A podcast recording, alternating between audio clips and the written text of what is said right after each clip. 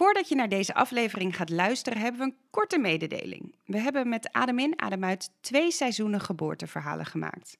En waar Adem in, Adem uit stopt, gaat Mam Co verder met de Mam Co podcast. Boordevol geboorteverhalen en nog veel meer rondom zwangerschap, geboorte en het ouderschap. Rolien maakt ook een eigen podcast. Hoeveel ben ik waard? Waarin ze uitzoekt wat haar waarde is. Check ons op Instagram, at en at Hoeveel ben ik waard de podcast. En vind ons op je favoriete podcastplatform. Veel luisterplezier! Adem in, adem uit.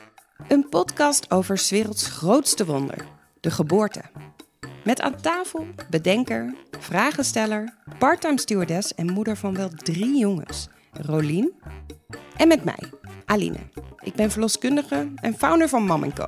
De plek om je samen met je partner voor te bereiden op de geboorte. En nee, dit is geen geitenwolle sokken puffclub, maar een toffe zwangerschapscursus gegeven door verloskundigen. Sinds dit jaar ben ik moeder van Kopen. En dit vrolijke mannetje heeft van mijn vriend René een hele leuke papa gemaakt.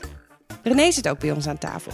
Hij is onze regisseur, middelmatige grappenmaker en hij zorgt voor de nodige structuur aan tafel. Aan de hand van bijzondere gasten vertellen we verhalen van bevruchting tot en met bevalling. En alles komt langs. De ontmoeting, de kinderwens, seks, zwangerschapskwaaltjes, die grote dag, maar ook de overgang naar het jonge ouderschap. Dit is alweer de laatste aflevering voor onze zomerstop. Maar in september zijn we weer terug met nog meer mooie verhalen. In deze aflevering het verhaal van Carlijn. Carlijn is moeder van Figo en Hidde. De eerste zwangerschap eindigde in een medische rollercoaster door een zwangerschapsvergiftiging. Bij 34 weken werd Carlijn al ingeleid. Een spannende tijd. En hoe dat verliep, hoor je in deze aflevering van Adem in, Adem uit. Nou, take it away, Rolien. Yes, daar gaan we beginnen, inderdaad. We zitten aan een ronde tafel. En aan de linkerkant zit vanavond Aline, Hallo. mijn lieve co-host. En tegenover mij zit René. Hi. En dan onze knappe gast, Carlijn. Dankjewel. Ja, ik vind jou wel een mooie verschijning toen jij binnenkwam. Dat vind ik heel leuk om te horen, dankjewel. En jij eh, mag het eh, spits afbijten met eh, een hele bijzondere ervaring. Ja. Maar we beginnen altijd... oh, Bij het begin. Ja. Klappen, precies. Hoe heb jij je man ontmoet? Ik heb eh, Dennis nu bijna 15 jaar geleden ontmoet. Wauw. Ja, dat is alweer een tijd eigenlijk. Mijn goede. Ehm en het was, ik zeg altijd, op het meest suïcidale metrostation van Amsterdam. Ik woonde echt net in Amsterdam. Ik ging, ik ging hier studeren. En eh, via via had ik eh, een, eh, gewoon een feestje. Ik dacht, ik ken toch nog niemand hier, dus laten we gewoon inderdaad naar een feestje gaan. Dan kom ik vanzelf nieuwe mensen tegen in deze stad. En daar hadden we afgesproken op de burgemeester de Vluchtlaan. Oh ja. Dat is echt Oh ja. freaking suicidal, vind ik. Ja, sorry, mag ik- Als ik daar kom, dan krijg ik nog steeds een beetje de rillingen over. Maar goed, daar heb ik hem voor het eerst ontmoet. Omdat ik nog helemaal niet... Ik, fietsen deed ik sowieso eigenlijk nooit in Amsterdam. Ben gewoon niet zo'n fietser. Dus eh, ik, eh, het OV, en ik had een OV-jaarkaart. hè, Ik was student. Dus ik dacht, en ik kende vooral die ring, die ring 50, die metrolijn. Ja. Dus ik dacht, nou, als hij me maar ergens daar dan oppikt, dan fietsen we vanaf daar wel weer verder. Nou, dat was ook zo. Dus ik met een vriendin daarheen, nog van ons jaar. Ja. En toen eh, ehm, kwam hij mij daar achter op de fiets oppikken. En toen zijn we naar zijn huis gegaan, hebben we lekker wat gegeten. En toen zijn we naar een feest gegaan. Ehm, het Squash City, zoveeljarig bestaan. I don't Ja, know, daar hij. Station, Juist, ja. ja. Ja. Nou, en ik was echt net drie weken in Amsterdam. Nog niet, nog niet eens. Volgens mij was het, nou net één week eh, woonde ik in Amsterdam. En toen ehm, dacht ik die avond al wel heel gauw, "Ma, hij is leuk. Eh, hebben heel veel, heel veel gekletst, heel veel gesproken. En ik denk dat we wel drie keer bijna gezoend hadden die avond. Maar elke keer werden we weer gestoord dat iemand Oh ja. binnenkwam en zo.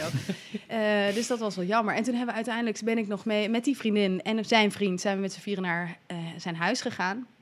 En daar hebben we nog zo leuk zitten praten. En toen hadden we, gingen we muziek luisteren. En toen zocht ik in zijn kastje allemaal cd's. Daar stonden daar, zocht ik. En toen zei ik, deze wil ik horen. Een Lionel Richie cd. En toen deed hij net zo ploep op de knop. En toen had hij hem al aangezet. En toen dacht ik echt, nu moeten we trouwen, Ja. zei ik. Dat zei ik ook gewoon. Dit is gewoon meant to be. En toen was ik al wel een beetje verliefd, merkte ik. Maar we hadden nog steeds niet gezoend. En toen, eh, nou dat gebeurde niet gauw daarna ook wel.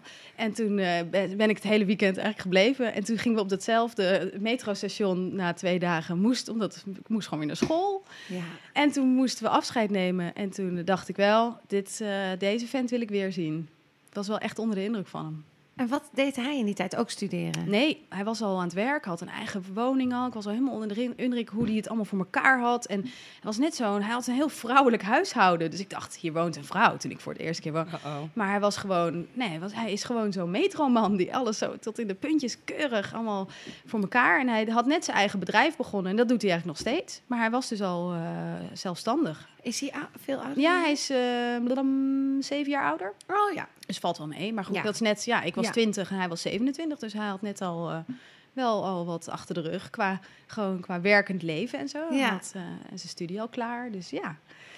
En toen waren we eigenlijk wel heel... En het is er echt nooit meer uitgegaan ook. We hebben echt nooit ook echt eh, op het punt gestaan dat we dachten... nou, dit eh, gaat er misschien niet worden. Het was gewoon van begin af aan wel heel duidelijk... dit is wel echt goed. Ja. Ja, En dacht je ook al, dit is echt wel de vader van mijn Ja. kinderen? ja dacht ik denk al heel snel. Eh, maar Ja. eh, eh, wat ik me afvraag, hoe, Ja. is die, hoe is die afspraak dat je naar dat metrostation ging in eerste instantie gekomen ja, dan? dat Want is je dus had via wel... via. Ah, ja, goede Er vraag. was nog geen Tinder toen. Nee, dit was via via. Ik, ik had een, ehm, eh, een kennis, eigenlijk een, een, de- een ex van mij. En daar, zijn tweelingbroer woonde in Amsterdam. En toen ik hem een paar weken daarvoor in Nijmegen op een feestje tegenkwam, want daar woonde ik eerst, eh, zei hij van, oh, dan moet je een keer mee eh, naar een feestje en dan ga, ga ik je meenemen. Dan gaan we, v- wordt gezellig. En daar hield hij zich aan, dus hij had al een paar keer geprobeerd, Ah, ja. zullen we afspreken. Maar dan dus, en hij was de vriend van die jongen. Dus het was gewoon via, via, via. Ja. Ja. ja. Misschien moeten we nog even uitleggen, want je, je zei net al ehm, dat je in het jaar zat met Aline. Ja. Maar jij hebt eh, de verloskunde academie gedaan met Ja, Aline, hè? Met Aline. Ja. Ja. Dus we kennen elkaar al aardig wat jaartjes. Ja. Dus je bent ook nog verloskundige. oh. Ja, Oh. ja ik ben eh, net als Aline ook verloskundige. Maar we zien elkaar helemaal niet zo vaak. Nee. Gek genoeg. Nee, we hebben altijd wel gewoon contact gehouden. Toen Ja. ook gewoon, ook, we waren toen ook niet beste vriendinnen, maar we hadden wel gewoon eh, ge- gezamenlijke events waar we dan allebei waren. En dat we het Ja. altijd heel gezellig vonden met elkaar. Eh, maar inderdaad, en, en, maar jij bent denk ik, jij bent veel in, in eerste instantie in Zuid aan de Ja. slag gegaan. En ik zat heel veel, ook wel in Amsterdam, maar in West. En kom je elkaar ook niet heel veel Nee, tegen. klopt. Ja. Maar goed, het blijft een klein wereldje eigenlijk ja. toch? Ja. Ja. Ja. Maar goed, jij was super fan van de podcast natuurlijk. Ik was super fan van het, of bijna het eerste uur, denk ik. Ik vond het meteen heel leuk. Ik hield al wel van podcast, maar door jullie ben ik het nog leuker gaan vinden. En nu ben ik echt een soort van verslingerd. Ja, tof, man. Best wel cool. Ja. Ja, dat hebben jullie wel goed gedaan, Ja. vind ik. Nou, Ja, eh, we gaan dank iedereen verslaan. Ja, we gaan Ja. maken. allround. Ja. Recht naar rechts, naar links. Maar eh, eh, hoe ging de liefdesverhaal? hoe heet je vent eigenlijk? Ja, Dennis. Hi, Dennis. Ja, Ah. Dennis. De Ging je- Rijsma. hoe ging jullie liefdesverhaal verder? Van jij studeerde. Ja. Ja, al heel gauw best wel veel bij elkaar. Eh, en dat vond ik dan een beetje... Want hij had natuurlijk zijn eigen woning. Maar mijn ouders hadden voor... Niet alleen voor mij, maar de studerende kinderen... die allemaal in Amsterdam een, een appartement gekocht. Ongeveer naast eh, de verloskundeacademie. Dus ik voelde dat ik daar niet zomaar kon zeggen... nou, tabé, ik ga bij Dennis wonen. En daarbij had ik in mijn hoofd... zolang je studeert, ga je toch niet samenwonen. Vond ik niet cool. Dus ik heb gewoon braaf mijn studietijd eh, op mezelf gewoond. En wel steeds meer bij hem. En toen we eenmaal ja, ik heb er nog ook wel een dingetje gevonden dat ik echt ging samenwonen. Gewoon psychologisch van nu heb ik niet meer mijn eigen, kan ik nooit meer mijn eigen plekje Oh, of ja. zo even hebben. Dat had ik wel eventjes. Maar ik zeker ook- omdat je weet dat het hem is. ja, dit is en hem. ik dacht wel, ik vond dat, ik bedoel, wij zijn verder niet getrouwd, maar ik vond dat, als ik nou ergens denk aan binding, was dat wel een echt Ah, ja. mega binding. Minder dat ik ooit met kinderen heb gevoeld, terwijl dat vond ik zoveel logischer of zo. Ja. Maar dat Oh. samenwonen vond ik nog wel een dingetje, ja. Maar dat was ook zo gepiept qua toen het eenmaal zover was en die spullen daar eenmaal stonden. Dat hadden we dus, nou, nou wat was het, vier, vijf jaar. En toen, ja, toen had ik al heel gauw zelf zoiets van, oh, ik wil een baby eigenlijk. En hij dacht, klein, hè, ik, eh, groot leeftijdsverschil, een stukje jonger. Ik heb dat nog even voor me uit kunnen schuiven. Dus, eh, daar gaat ze vast niet meteen over beginnen. Maar dat was natuurlijk al best wel gauw een topic.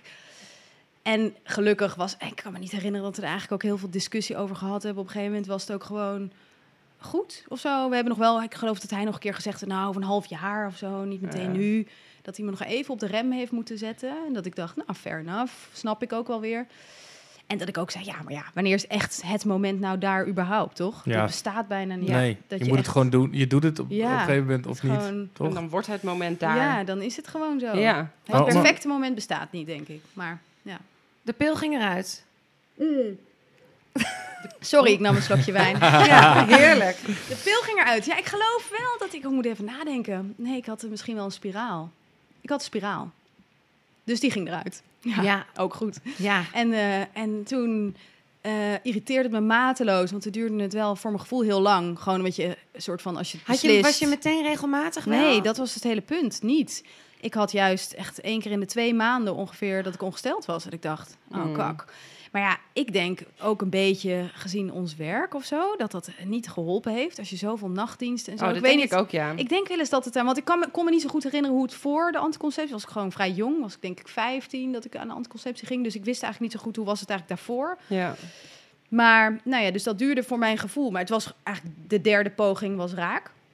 Dus dat is super snel natuurlijk. Dat mag je helemaal niet klagen. Maar het voelde, omdat het wel gewoon een soort van twee keer zo lang Ja. duurde wel, dat ik was wel benieuwd van, oh... Maar je weet het ook niet, hè? Ik Nee, bedoel, je kan niet in als je iets graag kijken. wil, dan ja. denk ik, het zal mij toch niet overkomen Ja. dat ik diegene ben Ja. waar het niet lukt. Ja. Dus, Was je eh, een beetje ongeduldig? Of, ja, eh, ik was wel ongeduldig.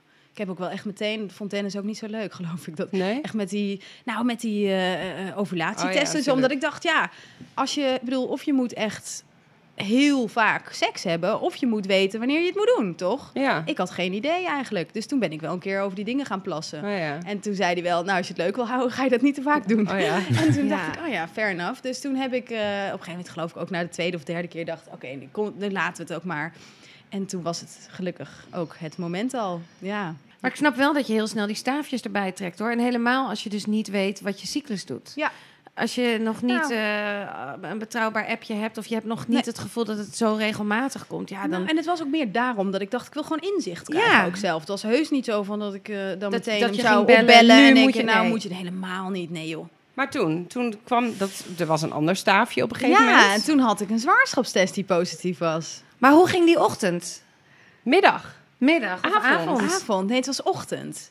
Ik ehm, dacht wel, volgens mij, ik voelde wel iets aan mijn lijf, eerlijk gezegd.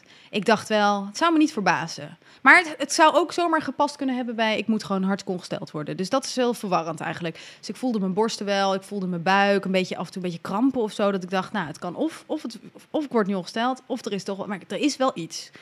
En toen kocht ik een eh, zwangerschapstest.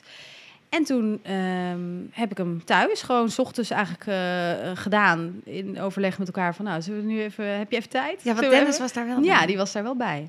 Of tenminste, ik heb het gedaan ik, en daarna kwam ik naar beneden of zoiets Ja. was het. Ja, ik was ik heb boven op de badkamer. En toen maar ze Ja. hebben samen eh, afgelezen, zeg Ja. maar. Dus toen keken we elkaar aan. Van, en toen dacht ik echt, "Oh, nu kan ik niet meer terug, dacht ik. Oh. Nee, Ik had echt zo, zo'n gevoel ja. van, oh, en nu? Ineens, je hoopt de hele tijd dat het gaat lukken. Ja. En toen was het ineens, het zweet brak me echt uit. Ik dacht toch wel een beetje van, oké, nu... eh, Wat is dat toch? Ja, gek, hè? Dat hebben zoveel mensen. hè? Dat je Ja. dan toch ergens denkt van... eh, ja. weet ik niet of... ik- Ja, ze Nee, ook wel blij, Ja. maar ook wel echt. Ik denk dat het grootste deel wel even de shock was van, oh, en nu? Ja, ik kan niet meer terug. Ja, en ook wel een beetje, het, het, heeft, het, het heeft ook implicaties dat je... Ik weet nog dat ik wel dacht, oh, nu... eh, eh, de komende weken heb ik allerlei dingen. En hoe ga ik dit in godsnaam Mm. verborgen houden dan? En ik, zat, ik zag gewoon vooral van... En morgenavond komen die en die al bij ons borrelen. En, en dan? Wat moet ik dan zeggen? Ja, dan, ga je dan, dan hoor je dus niet te zeggen. Ja, ik, ik, ik dacht, dan moet je gewoon weken je mond dicht houden. Ja. Ja. dat heb ik echt gelukkig alleen bij mijn eerste zwangerschap gedaan. Want daarna, Oh, dat past wel. helemaal niet bij mij. Eigenlijk. Nee. Ik, heb het gevoel, ik had het gevoel dat ik wekenlang iedereen enorm aan het voorliegen was. Het past niet bij mij. Nee, snap ik. Ik, ik voelde echt, aan iedereen wilde ik eigenlijk zeggen, maar hallo, ik ben zwanger. maar dat kon niet, want ik dacht, dat hoort niet. Je moet eerst maar je mond houden en rustig wachten totdat het allemaal... Zo Echt. jammer, hè? Of mensen, het gaat zoals het gaat. En het heeft voor sommige mensen ook wel weer iets magisch of zo. Maar je moet gewoon lekker doen wat goed voelt voor Ja, jou. En nou, er zijn dat- geen echte Dat regels. heb ik daar echt van geleerd. Want Ja. eigenlijk paste, maar ik dacht gewoon, dat hoort, dat Ja. hoort zo. Je houdt in ieder geval even je mond. Ik geloof wel dat ik mijn moeder heb verteld en mijn vader ook wel. Ik geloof zelfs dat we ook al meteen naar de, mijn schoonouders zijn gereden. Dus we hebben wel mensen verteld hoor. Maar niet aan de grote klok gehangen. Dus Ja. we wisten gewoon, een paar mensen wisten het. En dat voelde wel echt alsof ik toch nog heel veel moest liegen of zo. Ja, snap het. Ja, dus dat hoorde gewoon. Dat is Nee. eigenlijk beter. Ik zou het nu ook niet meer... Ja, de tweede keer heb ik dat ook echt anders aangepakt. Ja. Maar eh, Nou, Goed, mooi. toen- Gewoon, je mag ja. je eigen ding erin je- vinden. Je was wel super happy, toch? ik Dat was het, super happy. Nee, ik was heel happy. Ik vond het eh, gewoon heel spannend wat er Ja. ons te Ja. gebeuren stond. Maar ik was e- enorm blij. Ja, joh. Ik dacht wel, eindelijk, nu gaat het. Nu, ik heb als kind daar echt vanaf mijn twaalfde wilde ik moeder worden ongeveer. Dat kan me niet anders bedenken. Dat ik dacht, oh, nu gaat het dus eindelijk gebeuren. Ik heb zo vaak zitten bedenken, hoe zou dat dan zijn? Hoe gaat het bij mij? En nu wist ik gewoon van, oh, dus zo.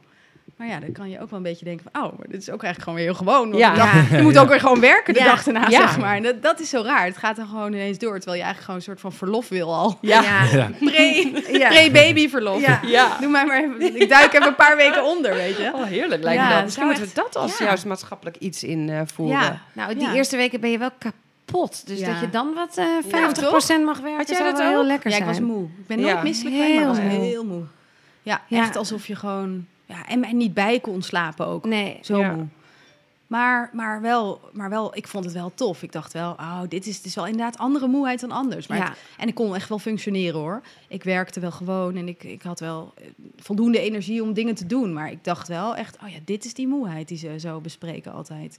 Ja. En had je al last van andere kwaaltjes? Nee, behalve een beetje dus buikpijn, krampjes. Dat ik, ik was gewoon, ik, daar was ik me heel erg van bewust van dat die baarmoeder aan het groeien was of zo. Ah, ja. Dat er iets aan het gebeuren was. Ja, dat is wel mooi dat je dat, Dat- zegt. ja. Want heel vaak zeggen man, worden mensen daar een beetje bang van. Hè? Dat Ja. je dat krampende gevoel in je onderbuik hebt. Maar dat is juist heel vaak een teken dat je baarmoeder aan het groeien is. Ja, dus het is het echt juist heel een goed ja. teken dus. Ja. Hè, En Ja. het zou ook kunnen passen bij een miskraam. En dat is waarom mensen vaak heel bang zijn. Ja. Ja. Maar bij een miskraam, dan merk je vaak ook... Ja, dan heb je vaak toch wel of bloedverlies... Ja. of afnemende zwangerschapsklachten bijvoorbeeld. Ja, of, of gewoon toename in die krampen. En dat had Ja, ik nooit. Het, ging, het kwam af en toe, het was weer weg. Maar het was gewoon ook heel goed te doen. Het was Ja. gewoon wel, maar ik dacht wel van, hé, hey, ik was me er wel echt van bewust. Daar is iets aan de gang. Ja. Daar groeit wat. Ja. Jouw baby. Mijn baby. Ja. Heel klein. Oh, en toen gingen we, ja. Ja, want waar, waar deed jij je eerste echo? Bij, was- ja, omdat ik dat dus, omdat ik, ik werkte toen bij een verloskundige praktijk waarvan ik niet dacht, het hoeven, dat hoeven zij niet meteen allemaal te weten. Want dus ook onder het mom van, want het kan nog misgaan en zo. Dus ik Ja. deed dat gewoon. Ik heb gewoon zelf een afspraak gemaakt bij een eh, echocentrum waar ik overigens nu stage loop, wel heel Oh, grappig. ja? En, eh, en, eh, en gewoon een soort van ehm, vroege echo. Ik wilde gewoon weten, zit het in de baarmoeder? Hoe ver ben ik eigenlijk? Omdat ik zo'n lange cyclus had, dacht ik, geen idee. Volgens dat eh, gewoon het regelmatige verhaal zou ik dan al zoveel weken moeten zijn. En ik wist eigenlijk, dat kan überhaupt niet. Dus laten we maar eens kijken. En is het er één? En zit het er wel in? Ik wilde het gewoon eigenlijk wel checken Je eigenlijk. kan het checken. Je kan Ja. het checken, dus Ja. dat deed ik. Dus toen heb ik een echo gehad bij zes weken. Oh, en die zie ik echt nog zo voor me. Zo'n heel schattig wormpje. En nou, toen was ik pas echt blij. Ja. Was het Toen- meteen ook een kloppend hartje al? Ja, ja, want ik was toen zes en een halve week. En toen was het echt. Toen dacht ik, nou, en toen hebben we het ook enorm gevierd. Toen zijn we heel luxe uit eten gegaan. Zo smiddags met zo'n helemaal, helemaal bijzondere... Ik geloof bij Ron Blauw was dat toen Oh, nog. Die dat toen nog heel bijzonder ging koken op die uh, Amstelveense weg is dat geloof Ja. ik. Nou ja, en daar hebben we echt zo ontzettend gevierd van het is gewoon goed. En Ja, we, we krijgen gewoon een baby. Ja. Dat Ja. vertrouwen ook. Ja, dat is dan- echt super Toen begon het voor mijn gevoel. Toen vond ik het echt leuk worden. Daarvoor vond ik het gewoon een beetje nieuw en spannend. Ja. En toen dacht ik, ja, ja, voor die echo is er natuurlijk eigenlijk nog niks. Voor je gevoel. Ja. Dan ben je wel extreem zwanger, want je bent super moe en alles. Maar dat kloppende hartje, dat zegt alles. En ik weet nog dat ik dacht, wat duurt dat lang? Ja. Mhm. Als ik mensen voor me had zitten die 10, 12 weken zwanger zijn... en toen dacht ik, ach, wat hebben die al een weken, Ja. maanden erop zitten. Terwijl voorheen dacht ik, zo pril zwanger. Je Ja. bent er, je komt net kijken, Ja. weet je wel. Zo. Je, Ja. het, je weet het pas net. Ja. Nee joh, je weet het al freaking lang. Ja. Ja. Je bent helemaal, je bent al helemaal, je bent al toe aan de volgende fase. Ja. Al lang. Ja. Je weet het Ja. Ben je al bijna bevallen, joh. Ja, nee, ik weet echt, dat ik vind die, zo ja, die eerste periode is ook oneindig. Ja. Ja. Maar toch, als je het dan nu weer Ja. opnieuw zou doen, dan zou ik toch weer denken, ah joh, kom wel goed. Gaan we Tuurlijk. wel even doen. Tuurlijk, maar de er allereerste Ja. baby Ja. is gewoon wel... Alles is daar spannend aan. Ja. En alles is daar nieuw aan. Ja. Je weet gewoon niet waar je naartoe gaat. Nee. Nee. Ongeveer, maar je weet eigenlijk helemaal niks. nog. Nee, precies. Ja. Hey, en had, had je foliumzuur geslikt? Ja, ja, al braaf. Gewoon al van tevoren natuurlijk wel ook. Ik dacht, als we het dan doen, doen we het goed. Ja. En eh, ja, gewoon... Ja, ik heb niet... eh, met andere dingen niet per se... Ik heb, ik ben, heb wel gewoon wijntjes gedronken tot aan, eh, tot aan een positieve test. Maar meteen daarna natuurlijk gestopt. Ja. Maar ik, ik had niet al zoiets van, ik moet dat helemaal al weken, maanden. Terwijl je weet, eigenlijk is dat wel beter Ja. voor de vruchtbaarheid. Maar toch is dat in een dagelijks leven niet altijd in Nee, ik, ik denk dat inderdaad niet heel veel mensen dat doen. Ja. Dat hield er wel rekening stoppen. mee, maar niet, ja, precies. Je gaat even helemaal een beetje... maanden ja. al, nee. Nee. Ik hield daar wel echt rekening mee. Ik ging echt eh, van eh, een beetje drank naar echt bijna niet meer. Wat goed. En ik, ging, ik, was, ik had mijn vriend leren kennen en meteen gestopt met roken. Dus ik dacht, ik wil van hem kinderen. Dus ik dacht, alles in mijn leven... En dat ging pas drie jaar later, kregen we een kind hoor. Maar ik bedoel, ik was, was echt aan klaar. het... Ja, Ja. ik was echt wel heel erg aan het indekken. Ah, Ja. mooi ook wel. Gek hè? Ja, ik wou, zo, ik wou dus drie jaar lang zo gek. Nee, dat is echt Maar absoluut was dit niet waar, dit allemaal. Nee, maar ik denk Nee. wel, hoe meer, op het moment dat hij echt aan mij vroeg... zullen wij een kindje gaan maken? Toen stopte, heb ik echt, ging alles Ja. eruit. Ja. Toen was het gewoon, eh, de, de- ging niet eens meer een rood biefstukje eten. Ja, sloeg natuurlijk echt werkelijk nergens op. Maar Je trok hem helemaal maar- door. ja, ik trok hem met alles is ook door. niet echt duurzaam, hè? Nee, dus dat, daarom. Je was Dus al het goed was bezig met de toekomst van je kinderen. Precies. Ja. Precies. Ja, hè? Maar Maar ja. Carlijn, Ja. hoe voelde jij je? Voelde jij je wel eh, energiek ja. en happy dus Ja. inderdaad? Ja, ik was wel zo een die het heel fijn vond hoor, uiteindelijk. Het begint dus even spannend en toen ik eenmaal echt dacht, ja, nu mag iedereen het ook weten. Ja. En ik, hup, ik kon zo niet snel genoeg zo'n zwangerschapsbroek kopen. Toen ging ik er helemaal voor. en toen, en toen nog helemaal los. Nee, het, het kon eigenlijk echt, ik geloof elf weken heb ik hem gekocht. Elf weken. Ja, omdat ik dacht, ik wil, er, ik wil dat ook. Ik heb daar Ja. zo lang Ja. gedacht, ik wil dat ook. Ja. En nu kon ik het doen. En ik had ook wel het idee dat ik al snel wel gewoon een beetje... Het zat allemaal een beetje strak. Het had toch lang niet gehoeven, maar... Ik, ik wilde het gewoon heel graag. Dus ik ging er, he- ik dompelde mezelf er helemaal in onder, hoor. Ja. En groeide je, groeide je snel? Was je, werd je snel... Ik ben nooit, ik heb voor mijn gevoel nooit enorm. eh, ik, op andere vlakken wel, had ik nooit verwacht. Ik dacht altijd van mezelf, nou, ik ben er zo een die dan alleen zo'n mooi buikje krijgt. Toch? Oh ja. Dat dacht Ja, ik gewoon. ja. Nou, dat viel even tegen hoor. Ja? Oh. Oh, ik werd echt eh, huge. Ja? Maar dat had dus ook met iets anders te maken. Ja. Daar komen we later nog op. Ja. Maar eh, ik was al wel snel dat ik dacht, oh ja, oké, eh, dit eh komt echt overal aan. Zeg Ja. maar. Dus maar at was- jij ook heel veel? Of dat Oh ja, mee? ik had honger. Ja, ik had precies. honger. Ja. En ik, ik, ik, ik liet het me ook wel gewoon allemaal... Ja, ik dacht wel, yes, ik ga. Ja, En het was heus niet allemaal ongezond hoor, maar ik had wel meer honger. Ja. ja. Ja, Had je ook hele specifieke cravings? ja, ja. Grappig, bij twee zwangerschappen, twee heel verschillende dingen. Allebei wel fruit, overigens is ook weer niet Oh. zo verschillend. Nee. Maar bij Figo heb ik wel, dat is de oudste, de eerste dus, heb ik echt heel veel appels gegeten. Maar echt Oh. Appels. mega veel Het appels. is echt de eerste keer dat ik dit hoor. Echt? Ja, Ja. appels, appels, appels. S'avonds op de bank, ik heb denk wel drie, vier appels op een avond. Zat ik gewoon in stukjes gewoon alleen maar appels te eten. Ja. En als ik nu hem naar school ga, eh, laat gaan en hij, ik vraag hem wat wil je mee, wil hij altijd appels. Bizar. En mijn tweede heb ik heel veel mandarijnen. Lag ook aan de tijd van het jaar, denk Ja, ik. Was ja. meer Sinterklaas. Oh ja. Ja. Mandarijnen, mandarijnen, mandarijnen. Citrus, alles maar wat citrus, lekker zuur. Ja. En Ja. die is dus helemaal weg van kiwi en, en, en Oh. mandarijnen. Heel grappig. Dus ik denk gewoon dat dat... Het is wel een relatie. Dat gaan wij Dat ook denk uittesten. ik. Weet ik, Ik niet. weet Ja. maar ik heb dat ook. De Ja? oudste die had ik echt kilo's aardappelen met roomboter. Echt kilo's. Met roomboter. ja, gewoon gekookt en dan, en dan Mm. Ja, spek. Nou, gewoon alles wat vet was. Echt heel veel aardappelen. En hij heeft gewoon de eerste, nou, ik denk zes jaar van zijn leven geen aardappel gegeten. Niet. Oh. Kreeg hij Klaar mee. niet naar binnen. Oh. Die jongen die, die vond het Ah. zo smerig. Of, ik heb gewoon een overkill aan aardappelen aan hem Oh, gegeven. dus dat is, ik geloof dat dat echt wel in je buik al bepaald wordt door wat je meegeeft. Of ze vinden het heerlijk, of ze denken echt nee, Ja, dat heb je echt too much. Ja. Ja, kan Ja. ook. Ja. dus dat was klaar. Nee, maar gelukkig geen frikandellen cravings en zo. Dat, Nee. dat, Oh, dat ja. gelukkig niet. Nee. IJsblokjes. Ook niet. Mm. Nee. Jij wel? Ja, Oh, alles met ijs. alles. Ja, ja, ja. Ah. Ja, Ja, maar jij was ook grotendeels in de zomer zwanger. ja Dat klopt, maakt ja. wel uit, want Ja. ik heb, dat maakt echt uit. Ja, want dan is ook het terras Ja, open, dus je kunt altijd het terras dus je op. gaat nou, gewoon- wij, ja. het, hè, daar hebben we het al vaker over gehad natuurlijk, maar eh, we kwamen Ze bij Walters en mijn drinken stond bijna al klaar, zeg maar. Grappig. Ja, Het grootste glas wat ze konden vinden met vol met ijs. water en ijs, klontjes. Oh, ik heb nou wel zin in. En een schijfje citroen. Of Ja. zes. Heerlijk. Ja. Kom, we gaan door. We gaan terug Ja. naar Ja. het verhaal. Ja. Want jij bent, eh, nou, waar, waar zitten we nu? nou, we kunnen naar de 20 weken. Hoe, hoe ging jouw 20 weken echo? echo Ja, echo? eh, eh, eigenlijk ik kan me dat in die zin gewoon herinneren dat dat eigenlijk heel oké. Ik was er ook niet zo gespannen eigenlijk van tevoren over. Ik was wel benieuwd. Ik dacht, wel, oh leuk. Ik vind het ook fijn om hem weer even te zien. En ik wist natuurlijk als geen ander wel wat er gezien kon worden. Maar ik had Ja. wel vertrouwen of zo dat het allemaal goed ging. Wist je al wat het woord werd? Ja. Of hoorde je, oh, dat wist je al daarvoor. Wist ik al daarvoor. Ja, ja dat, dat komt gewoon echt door, eh, doordat ik eh, natuurlijk in het vak zit. En ik had al wel echt heel wat echo's gehad daarvoor.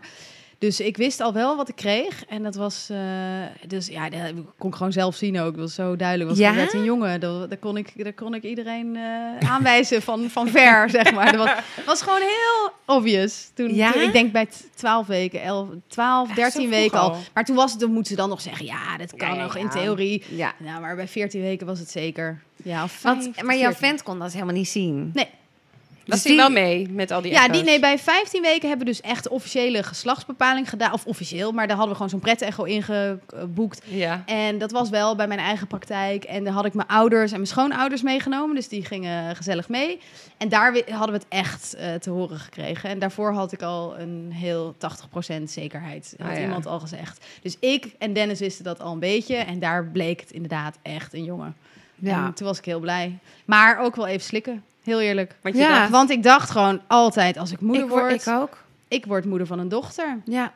Dus ik weet nog wel dat ik even dacht, ook niet zo goed wist met mijn gevoel. Want in eerste instantie heel blij, maar ook een beetje, een klein beetje van, oh, maar nu dus helemaal geen jurkjes en strikjes en, oh, en nu? En toen dacht ik ook wel even van, wat moet ik eigenlijk, durf ik dit wel uit te spreken naar mensen? Vond ik ook een beetje spannend om te zeggen.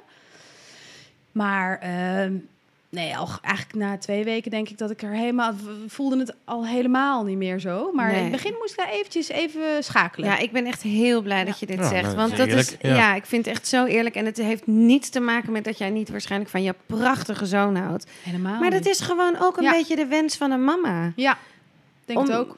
Om dat mee te maken, om dat door te geven, je eigen genen. Ja. Of zo, zo voelt het een beetje. Ja. Nou, en ook de relatie met je eigen moeder of zo. Ik Precies. dacht altijd, oh, dat wil ik ook wel met mijn dochter. En ja, Maar, maar is het dan een, een soort van beeld dat je had? Of, of was het een voorkeur die je had? nee, het was meer gewoon ja, nergens echt op gebaseerd. Gewoon idee van, ik zal wel. Ik heb altijd broertjes gehad, dus in dit geval, ik wilde vroeger ook altijd een zusje, kwam er ook nooit. En toen dacht ik, nou, in dit geval, ik ga gewoon wel een dochter. Ik weet niet, het was gewoon een soort van ingecalculeerd. Ik, dat gaat wel gebeuren. Ja. Ja. Dat, dat was Dat was niet. Nee. en ik weet nog, oh, echt de dag nadat hij geboren was, dat ik dacht, oh, al was hij paars, al was hij scheel, al was hij... Het, het, geslacht maakt je geen eens iets meer uit. Je bent gewoon zo gelukkig met je baby. Dat, maar Ja. ik weet nog dat ik daar ook nog wel even dacht, oh, wat, wat jammer eigenlijk dat ik daar een klein beetje even moest slikken toen. Hmm. Ja. Maar dat hoort er gewoon, ja. Ja, ik Ja, denk dat toch Ja, mag toch? Ja. maar- Ja, maar ja, we voelen ons zo schuldig, want we moeten, je moet of heel dankbaar zijn dat je überhaupt zwanger kan zijn en dat het goed ging. Maar, maar aan de andere, dus is er geen ruimte voor dat je eigenlijk je wens niet mag zeggen of je Nee. wens. Het gaat niet om een wens, maar het gaat erom dat je, ja, het is toch logisch. Tuurlijk. Ik had heel, heel graag een meisje gewild. Ja. Ik ben echt heel blij dat je dit zegt. Ja. Voel me nou ineens niet meer zo alleen. Nee. Nou, gelukkig. Nee. gelukkig. Nee, ja, maar dat is gewoon. Ja, ik, maar ik ik denk dat zo een- weinig over gesproken. Ja, klopt. En ik vind wel dat het beter gaat al hoor. Nu. Ja, Als ik in ieder geval in mijn eigen dagelijkse praktijk zie Ja. dat ik denk het is wel opener dan toen ik tien jaar geleden begon. Ja. Ja. Ik vind het ook fijn Ja. dat, daar, dat, je, dat die emotie mag. er mag zijn. Ja. Ja.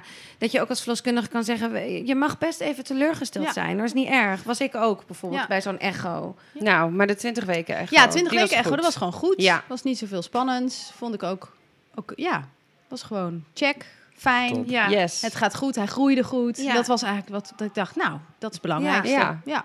Ja. En ben je nog op eh, Baby Moon geweest of zo? maar toen heette dat nog eigenlijk helemaal niet zo volgens mij. zo hip. Mijn babymoon was in New York. Oh ja, Dat was heel leuk. Ja, Ja. ja. Ja, we gingen, maar dat was gewoon vakantie. Het Ja. was achteraf de beste tijd. Ook helemaal niet bewust zo gedaan. Maar toen was ik 21 tot, van 21 tot 24 weken of zo. Of Oh ja, 21 tot dat deden 23 wij weken gingen we naar Amerika. En toen hebben we en eh, New York en Miami. Ja, fantastisch. Helemaal de bom. Oh, het lijkt me zo te gek. Toen was ik echt ook zo happy. Toen liep ik daar en toen, toen heb ik hem ook zoveel voelen bewegen. En ik heb alleen maar... Ik had geen... Nou ja, sowieso heb je geen tv meer nodig als je je baby voelt bewegen. Ja. Je Gewoon bent alleen maar bezig met je buik. avonden filmpjes van mijn buik gemaakt, Ja, oh, ook, foto's ja. en, en maar voelen en laten voelen aan Dennis. Voel, kijk hier voel ik hem en hier voel ik hem. Die Had jij dat placenta zat toen op je de dat- achterhand. Ik Toen je dat toen voor het eerst voelde of zo, had jij toen ook zoiets van, ah, dit is het of zo? Weet Ja, je, dat je maar ineens... het ging heel geleidelijk een beetje. Ik had niet, Ja. want ik voelde hem al heel vroeg. Echt heel vroeg. En toen dacht ik eerst nog van... Toen voelde het alsof er gewoon een heel klein beetje... een soort van kriebelig iets aan de binnenkant van je hand zo. Maar dan aan de binnenkant van je baarmoeder. En dat ging al best wel snel over naar echt bewegingen meer. Echt voetje. Of dan kon ik me echt visualiseren dat er iets langs ging. Of Ah zo. ja. Dus het, het ging niet in. Maar ik dacht wel, oh ja, dit is het dus. Zal het voor een verloskundige nou spannender zijn om zwanger zelf te zijn de eerste keer? Ik vind dat zo moeilijk, want je kunt het niet vergelijken natuurlijk. Nee. Ik vraag het me af, want je bent gewoon net zoals iedereen toch een beetje ehm, nieuw met alles. Ja. Ondanks dat je wel heel veel uit de boeken kent en uit de verhalen van je spreekkamer en zo. Blijft het het zelf ervaren toch zo nieuw voor het eerst voor jezelf dat ik weet het niet. Ik denk niet dat het. Ik denk dat iedere moeder net nieuw wel net zo verwonderd en vader Ja. trouwens ook. Dat is net zo verwon- verwonderd. Maar ja, ik denk het Ja, ook, ja. ja.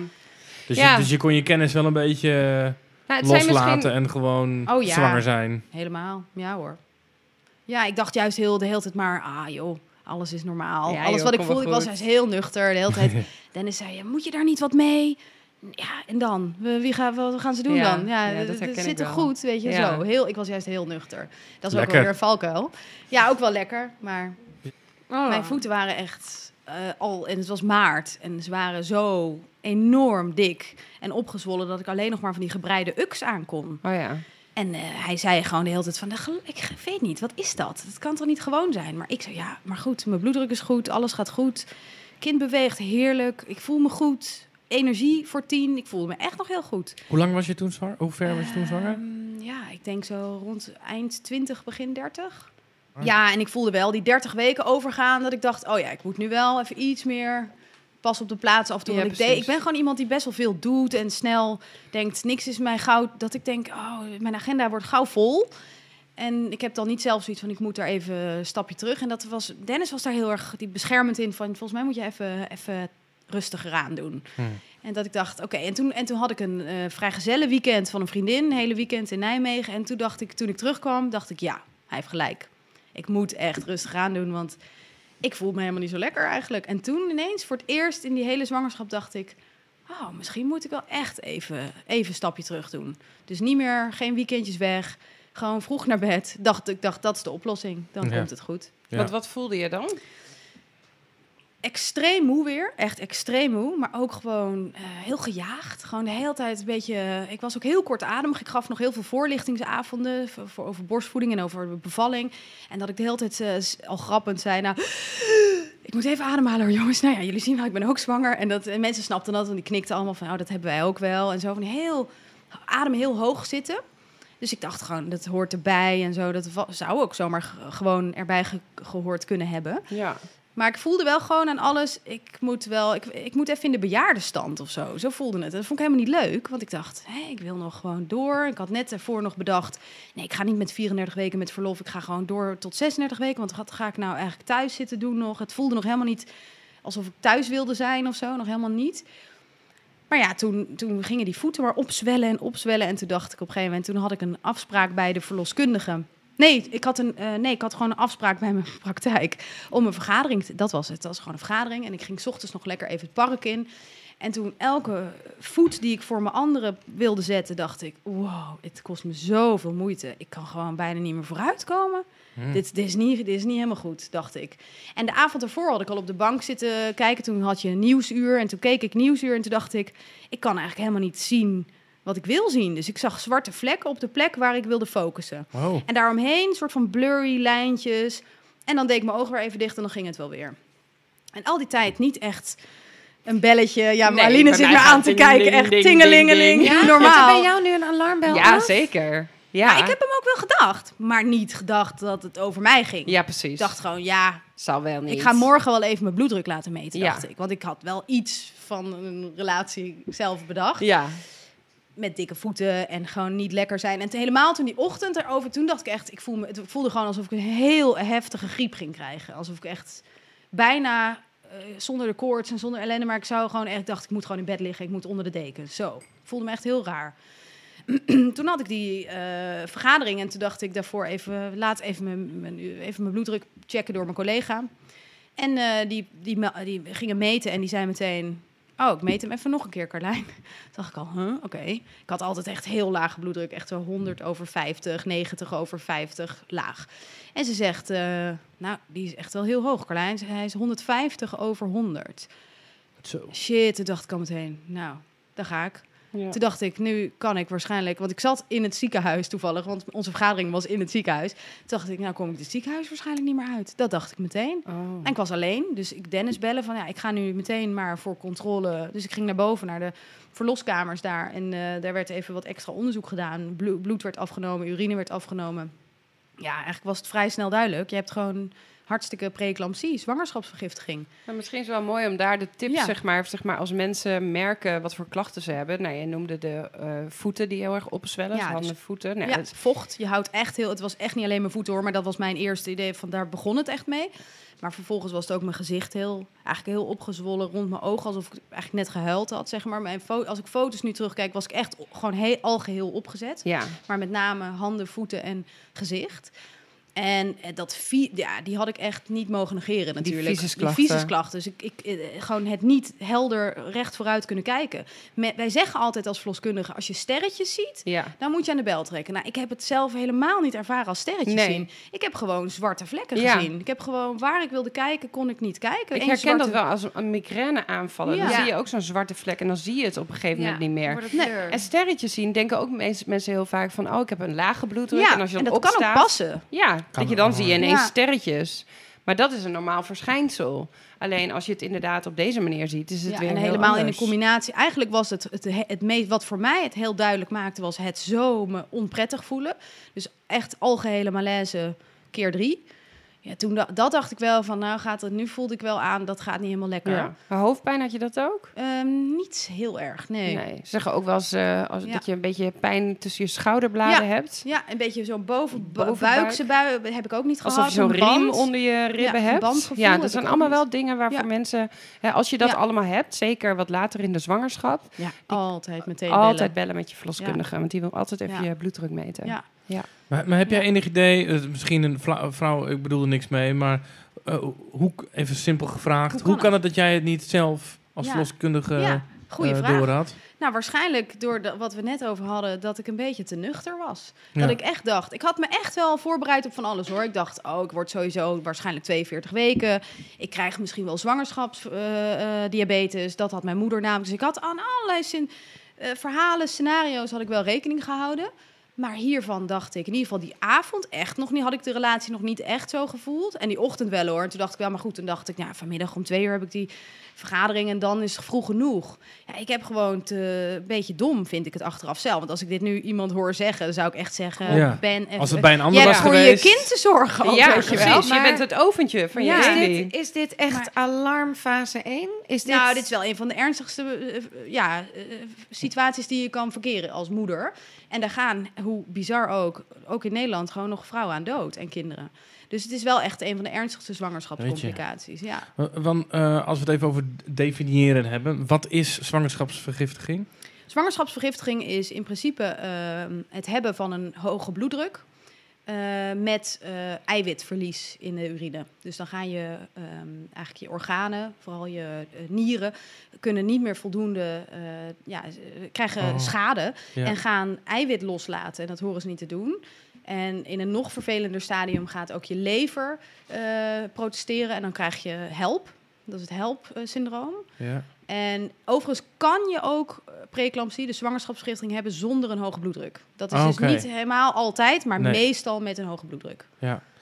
Du- dus ja, oh, ja, nou ja, wat ik dan wel Dus weet... je lijf als je, als je, ja, je, Ja. als je nieren eh, niet goed gaan functioneren, dan, dan gaat je Ja. lijf natuurlijk langzaam... Ja, er komt zo, met, met functioneren. een hoge bloeddruk komt er zoveel druk door al je, door al je vaten, door je lichaam, dat organen er l- Ja. leg- letterlijk langzaamaan een beetje eh, gaan protesteren en, en, en niet meer goed kunnen functioneren. En dus eigenlijk, dus, nou, nou, jij zei het net al, er overlijden mensen aan. maar Dus gewoon geva- levensgevaarlijk voor jou en je kindje. en laten we vooropstellen dat over het algemeen de zorg dusdanig goed is en dat we al die Ja. signalen gelukkig heel vroegtijdig en dat is ook de reden waarom iemand in zo'n wat wat dit komt meestal wat verder in de zwangerschap voor dat je al heel vaak die hè, wekelijks naar je verloskundige gaat in die periode en meestal uitzicht dat ook later. Bij mij uitte zich, uitte zich het bij 33 weken, Ja. Eh, maar het kan ook gelukkig meestal iets later zijn. Ja, 33 weken is best vroeg. Ja. Ja. Ja. En kan iedereen, elke zwangere vrouw, Ja. kan dit... Er was niet dat jij hier al meer kans op Nou, had, omdat je...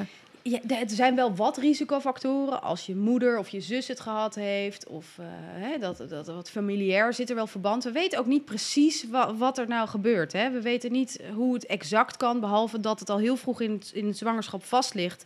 Als de placenta zich echt gaat ingroeien in de wand, dat het dan al bepaald is of iemand dat wel of niet krijgt. Maar dat kan niet dan al getest worden.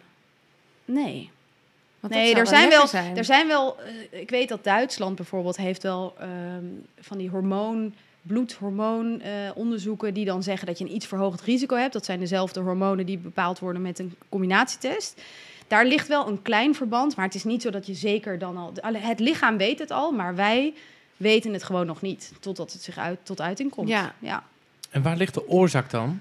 Ja, dat weten we dus niet zo het goed. niet Ze- bekend? ja, ze- men zegt dat het eh, dat de man is die het bepaalt of, of een vrouw dat wel of niet krijgt. Dus of dat eh, het, ja, we Oh. weten ook dat het vaker voorkomt. ja. Ja. we weten dat het vaker voorkomt bij vreemd zaad, zeg maar tussen aanhalingstekens. Want eh, vrouwen die zwanger zijn van een eh, onbekende donor krijgen het vaker eh, dan vrouwen die van een bekende eh, partner zwanger zijn. Ja, goed, dat is bij ons niet aan de orde, maar Nee. we weten het niet. Nee, Nee. nee. Oké. Wat deed dit met jou? Hmm. Nou, ik, ik, ik weet wel dat ik echt dacht... Mijn hele zwangerschap dacht ik, als ik maar één ding... Ik wist niet of ik echt per se heel erg graag thuis wilde bevallen. Ik wilde gewoon vooral liefst fysiologisch bevallen. Dus niet te veel poeha. Maar ik wilde vooral niet in het ziekenhuis overnachten. Dat dacht ik gewoon. Dus daarom zou ik ook eerder thuis zou willen bevallen. Omdat als ik even kon uit het ziekenhuis kon blijven, had ik dat graag gewild. Ja, en uiteindelijk eh, heb ik er een soort van tweeënhalve week gewoond. Dus ik kreeg een eigen kamer en zat ik daar. Ja, het was, en toen was het ook goed hoor. Was ik ook blij en opgelucht dat ik daar was. Maar eh, ik weet nog wel dat ik echt me ook best wel verdrietig heb gevoeld. En ook best wel alleen af en toe. Want er was gewoon in die periode niet echt heel erg gebruikelijk dat je partner bleef slapen. Ik had gewoon wel, dat was wel heel fijn, een privékamer. Mm. Ja, was toen nog Ja. het Slotervaartziekenhuis. En dat was heel fijn. En hij mocht ook altijd komen. Maar hij ging ook wel gewoon s'avonds weer naar huis. Dus dan, ik vond het ook wel een beetje Ja. ja. on- ja, onbestendig. Een beetje heimweegevoel had ik ook wel. Net als vroeger wel eens dacht, oh, ik wil weer naar mijn ouders toe. Weet je, als je dan bij een vriendinnetje... Ik had er vroeger best wel last van, heimwee. Ja. Nou, dat kwam een beetje boven weer. Ja. Had Ja. je toen, was dat toen dat, dat de baby in je buik, hielp dat een beetje of zo? Ja, dat? ik voelde me zeker al weken niet meer alleen in dat opzicht. Ik dacht wel, oh ja, ik ben er wel samen. En ik had ook wel... Maar ja, je gaat je gewoon zorgen maken. Want Ja. je, je wordt opgenomen, je krijgt een echo. En ze zeggen allemaal, poeh, hij is echt niet groot. En hij is echt niet groot. Ja, en dat, en dat weet je gewoon. Dat past het ook weer bij die zwangerschapsvergiftiging. Die placenta functioneert gewoon niet meer. Nee. Niet meer goed. Nou, en dat is best spannend. En dat is heel spannend, want dan hoop je maar dat hij de twee kilo... Dat was een beetje, ja, dat hopen we maar. Ja, want kan je nog even terug naar Ja. dat je, de middag dat je dat hoorde? Ja. En naar hoe, waar, in welk proces kom je dan terecht? Nou, toen moest ik eigenlijk meteen blijven. Nou, en daar werd ik zo... Het vloog me echt zo aan dat ik daar Nou, Gelijk zo... toen je daar in het ziekenhuis Ja, geconstateerd werd, ja. moest je blijven? Ja. Oké. Ja, want het was zo heftig, deze eh, complicatie. En ze zagen ook aan de hoeveelheid eiwitten in urine van... Nou, dit is gewoon een ernstige preeclampsie. Je bent gewoon ziek. Dus meteen aan de medicatie om de bloeddruk naar beneden te krijgen. En het enige wat ik dus een beetje in overleg... ook omdat ik misschien die gynaecoloog op dat moment misschien kende... ik heb gewoon best wel een beetje mijn best gedaan om te vragen... maar mag ik dan niet? Want ik moest sowieso 24 uur urine gaan sparen. Dat betekent, dat is de echte gouden standaard om te zeggen... hoe precies die preeclampsie in de vork in de stil zit, zeg maar. Dus dan moet je 24 uur al je plas opvangen... en dan ga je dat daarna eh, analyseren in het laboratorium. Ja. En toen ben ik al gestart met de medicatie. En toen heb ik beloofd, als, als het echt slechter met me zou gaan, dat ik direct terug zou gaan. Maar ik mocht dat 24 uur thuis nog even doen. Heb ik een beetje bedongen. Omdat ik gewoon zo graag naar huis wilde en zo graag nog niet daar wilde zijn. En toen heb ik me 24 uur heel koest op de bank gehouden. Elk plasje keurig opgevangen. En alleen maar gedacht, oké, ik ga heel bewust nu even genieten van het laatste momentje thuis. Want ik wist ook wel, dat gaat niet ineens morgen over zijn. Want ik voelde me nog steeds best wel hetzelfde. En toen ben ik eh, teruggegaan de dag daarna. En toen, toen, ja, toen was ik gewoon, toen was duidelijk. Toen zei ze, ja, nee, ook hieruit blijkt dat het alleen nog maar meer is geworden, die eiwitten. Je blijft nu. En toen eh, was het gewoon klaar. Toen dacht ik, oké, nu moet ik, nu ga ik wachten. En dan kom je in een heel gek fase terecht. Want dan denk je eigenlijk, de baby moet zo lang mogelijk blijven zitten. Dat zegt je gevoel, want hij zit veilig bij mij in mijn buik. Als hij er nu uitkomt, dan heeft hij nog minder kansen dan over twee weken. Dus dat zeggen ze ook allemaal. We gaan streven naar 37 weken. En ik was op dat moment 33 weken. Maar gek genoeg in die week daarop volgend, waar je echt elk uur voelde ik me anders. Dus het ene uur dacht ik, "Ah, het gaat eigenlijk heel goed. Ik heb, nou zou het over zijn, zo'n gevoel. Dat weet ik ook wel. Dat Ja, ja. al- Nee, maar dat... en het andere uur, het was zo zeg maar. grillig. Het was zo erg eigenlijk. Dat je het, het- ik wist ook niet van tevoren als er mensen lang zouden komen. Ik zei ook altijd, ja, ik weet niet hoe ik me voel van tevoren. Want het kon echt, het ene uur voelde ik me helemaal topfit.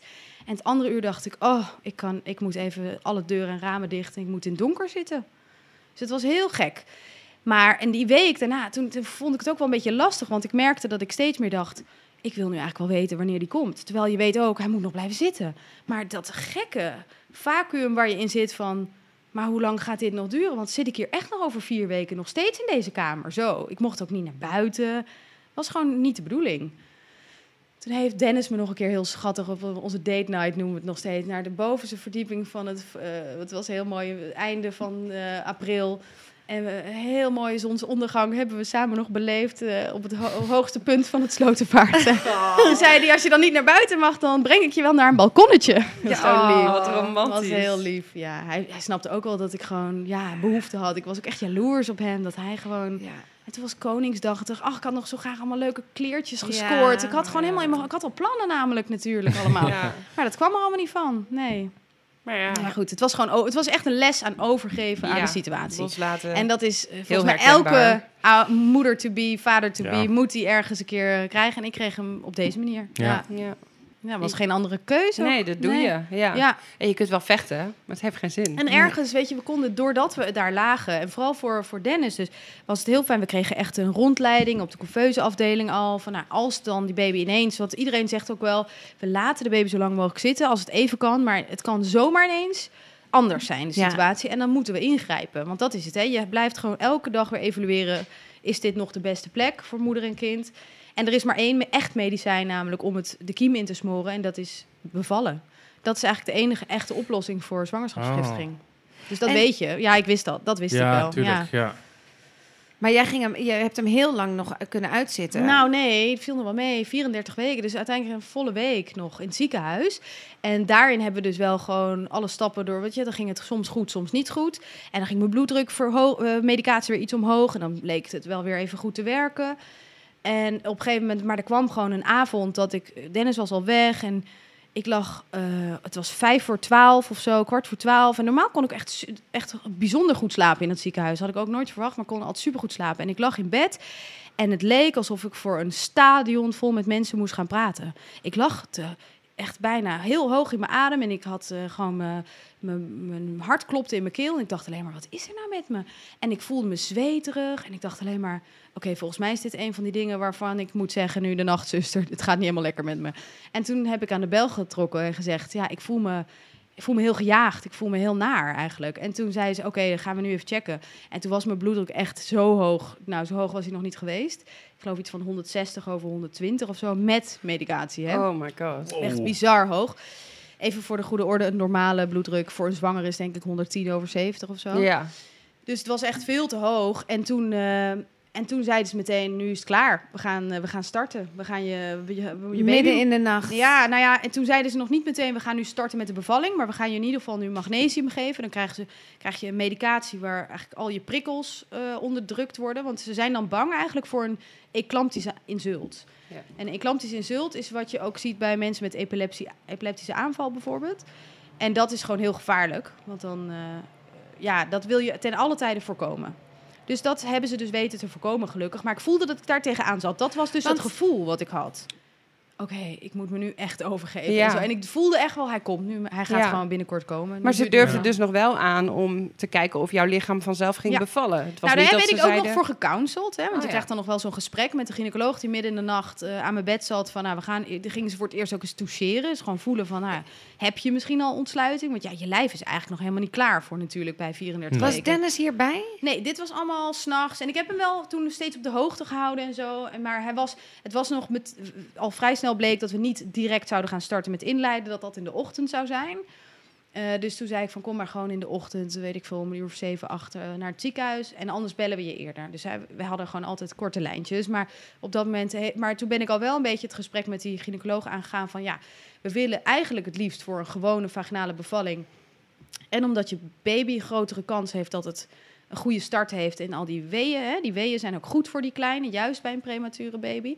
Maar ze hadden me ook al wel verteld van... nou, als we enigszins denken, dit gaat of met jou niet goed... of met de baby niet goed, dat de kans wel een stuk groter zou zijn... dat ze een keizersnede zouden gaan doen. Dus die informatie had ik, maar we zouden eigenlijk gewoon beginnen met inleiden. Dat hebben we ook in de ochtend, dat is eigenlijk gestart in de ochtend. Toen heb ik gel gekregen, eh, omdat ik nog helemaal geen ontsluiting had. En die baarmoederhals was gewoon nog echt lang. Ja, gewoon zoals je ook verwacht. Eigenlijk was gewoon nog niet rijp. Nee. Dus toen moesten we beginnen met eh, dat eerst rijp maken. En dan gaat er gewoon een paar uur overheen. En in die tussentijd gewoon wel continu aan die monitor en de hartfilmpje en zo. En eh, twee, weet ik veel, een tweede gift was om vier uur 's middags of zo. Kreeg je weer die gel. En toen dacht ik al wel, oh, ik voel af en toe iets. Maar ja, een krampje, het, het had ook... ik, het had, mocht echt nog geen naam hebben qua weeën of zo. En in de avond zei ze, nou, wat wil je? Wil je morgen weer verder gaan of zeg je doorpakken? En toen dacht ik, morgen weer verder gaan. Please, laten we nu maar doorpakken. Ik, was, ik dacht, we waren de hele dag al een beetje in een soort van wachtstand. Dus, eh, en inmiddels was Dennis natuurlijk al lang en breed in het ziekenhuis. En mijn moeder was inmiddels er, want die vond ik ook fijn om erbij te hebben. En toen dacht ik wel, nee, laten we nu maar doorpakken. Het is nu wel goed. En toen eh, hebben ze bij twee centimeter vliezen kunnen breken. Dus dat, ja, fijn. Want toen, Ja. dat lukte dus. En eh, dat was denk ik rond eh, middernacht. Dus de, de- ja, dag erop, zeg maar, middernacht. En toen, en toen ging het los. Toen heb ik, toen- wat ik me daarna kan herinneren, is één heftige wee. Eh, toen- direct na het breken van de vliezen. breken van de vliezen, dat was alles wat het nodig. Ik heb nooit weeopwekkers gehad verder. Toch hè, dat lijf, weeën, met, weeën, dat, weeën. dat je lijf ziek is, Ja. dat weet ook, deze baby moet eruit. Ja. Toch? Dat hadden ze me ook van tevoren al een beetje gezegd. We zien wel vaker bij dit soort bevallingen dat het misschien snel kan gaan. ja. En dat hoopten ze ook in het kader van, nou, dan heb je misschien kans op hè, dat je het natuurlijk Normale kan doen. Een soort van, normaal, ja, ja, ja. ja, vaginaal in ieder Ja. geval. En dat was ook echt zo bij mij. Het ging echt los. Echt, ik kan niet anders. Ik heb dat echt als Wat is, één. wat is los? Ja, Ja. Ik, kan het, ik kan het alleen maar beschrijven alsof ik een, alsof het een, een, een, zo'n achtbaangevoel. Dat die, Oh, ja. je, die schiet af. Om, om, je stond op een toppie. Nee, precies. En, En, eh, hij, rrrt. en hij gaat en er is, er is geen no way back. terug. Nee, en je en kunt je je wil af en toe wel dat je denkt... Oh, zou ik even mogen stoppen? Mag ik heel even, even pauze? En dat was het niet, want het was gewoon woem. Wat, wat deed jij? Overleven. Ik weet nog dat ik alleen maar gedacht heb. Ik heb met mijn hoofd van links naar rechts. Ik dacht alleen maar van... oh, ik moet elke wee soort van... Het was overleven. Ja. Gewoon overleven. En Hoe je- snel ging je van twee naar volledige ontsluiting dan, na die Ehm, breken? drie uur. Ja. Dus dat was ook heel snel. ja. Dus achteraf denk ik ook, de. Het was, Ja. Maar ja, dat Ja. weet je dan weet je niet. niet, Nee. Ik weet nog zit. dat ik om, om- bij, ze heeft één keer tussendoor nog gevoeld. En dat was een uurtje voordat ik volledige ontsluiting had. Toen had ik vijf. En toen dacht ik, ja, ik ben hier nu toch. Kijk me liggen met al mijn... Dennis zei, je bent net een marionette. Ik mocht niet eens plassen op de wc. Ik moest op het bed plassen. Ze wilden me niet eens verplaatsen daarvoor. Dus ik zei, ik, kan, ik give it to me. Ik ging gewoon vol voor de, voor de remfentanyl. De, de pijnstilling, dat morfinepompje. Ik dacht, als ik er nu toch ben, Doe maar. En ik was eigenlijk heel optimistisch, want ik was wel, het was wel heftig, maar ik dacht de hele tijd, oké, ik trek het nog, ik trek het nog, yes, ik trek het nog. Wat oh, oké, vijf centimeter. Oh, tot nu, nou, ik trek het nog steeds. Weet je, zo. Dus ik was echt wel best wel trots eigenlijk tijdens dat ik bezig was, maar dat ik ook wist, ja, Carlijn, dit- het ergste komt nog. En als zij nu al vijf heb en het voelt al zo, dan doe mij maar wat van dat spul zo. En toen dacht ik, ja, en de baby deed het goed en we konden, dus het, het kon, het mocht. En toen heb ik het geloof ik eh, nog geen uur gehad. Maar ik vond het wel lekker. Nou, was top. wel- Ja. Merkte je dan merkte je even dat je uit die ene eh, vreselijke Ja, rollercoaster ging? Ik was gewoon, nee, ik ben gewoon dat stuk misschien meer kwijt of Ah, zo. ja. Ik weet niet echt of ik er helemaal uitging, want ik had nog steeds weeën. Ik dacht nog, maar ik dacht alleen maar, het maakte me optimistisch. Oh, ja. Ik dacht alleen maar, maar zo, maar zo kom ik er wel. Ja, zo. ik kan dit. Ik, Ik kan- doe het. Het is gewoon, ja, dit, dit, dit gaat mij lukken. Dat gaf de, de? Dus ja, ik was wel positief daardoor. Ja. Misschien niet alleen daardoor, maar het hielp me wel een beetje om nog positiever te zijn. Ja, en misschien ben Ja. jij ook wel gewoon een positief persoon, hè? En dat, helpt gewoon wel, echt, denk ik, heel erg. Dat denk ik ook. Ja. Eh, Als je, en ik was niet per se, ik was heel bang voor het laatste stukje. Dat heb ik ook meermaals gezegd. Dat voelde ze ook wel aan me en zo. Maar dat ontsluiten was ik nooit bang voor. Ik had gewoon meer angst voor, oh, als er maar geen vacuümpomp Oh, of ja. eh, knippen of zo. Ik weet niet. Hebben we zo vaak gezien. En je weet ook van vrouwen die zeggen, als ze het al meemaken, joh, het was prima, want ik had het nodig. Of ik was blij zelfs. ja, Maar ik dacht, hoe dan? Ik, Ja. Dat wil ik echt niet, dacht ik. Dus ik was wel een beetje onbewust bang voor dat Ja. stukje. Maar dat ontsluiten dacht ik wel, oké, nee, die, I got this. Dit gaat, dit gaat mij lukken. Ja, en die weeën dus ook. Die Ja. kon jij echt. Ja. Ja. Ik heb ze gewoon echt ogen dicht en mijn hoofd naar links, naar rechts. Zo, zo heb ik ze opgevangen, denk ik. Oh ja, Maar wel liggend op bed, maar wel bewegen. Dus wel een beetje een soort van weeëndans op bed. Ja, ja, ja. De achtjes op bed. Ja, dat. Ja. Ja, en dan af en toe inderdaad. En omdat ik wel, ze zagen natuurlijk continu wel die baby af en toe dippen en zo. Dus dan was het weer die zij, die zij. Maar dat Oh ja. hielp alleen maar in mijn weeëndans op Ja. bed. Dus ik dacht, hè, prima, zeg maar waar ik heen moet, ik doe het wel. Wat goed, was- hè? Ja. Heel knap. Ja.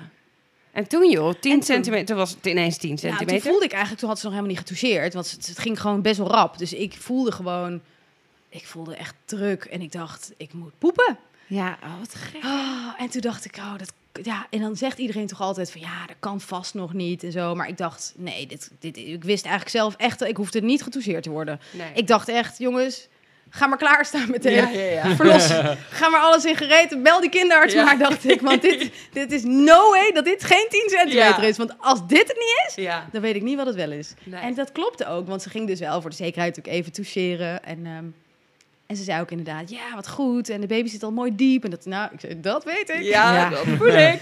I know. Maar het- en toen moest ik wel, dus echt zo wat je niet van tevoren echt per se in je hoofd hebt, maar wel die beensteunen en zo. Oh ja. En achteraf, dat is allemaal wat je bij een tweede, in ieder geval ik, gedacht heb, dat gaat me niet meer gebeuren. Maar Nee. op dat moment liet ik me ook helemaal mee. En het was goed ook. Het ging prima.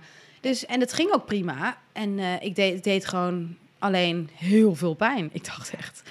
Het dacht, persen of oh, het uh, opening. Vreselijk. Ja, dat vond ik echt het minst leuke van de hele bevalling. Wat vond je er heftig aan? Het scherpen of het... Oh, het botten. Ik vond het een hele botte pijn. Oh. Ik dacht echt, eh, dit, je, aan al, elke, want als ik, als ik perste, de, ik weet precies wanneer ik het goed deed. Want de hele menigte juichte. Mijn eh, eh, team om me heen, die stond allemaal, ja, we zien haren.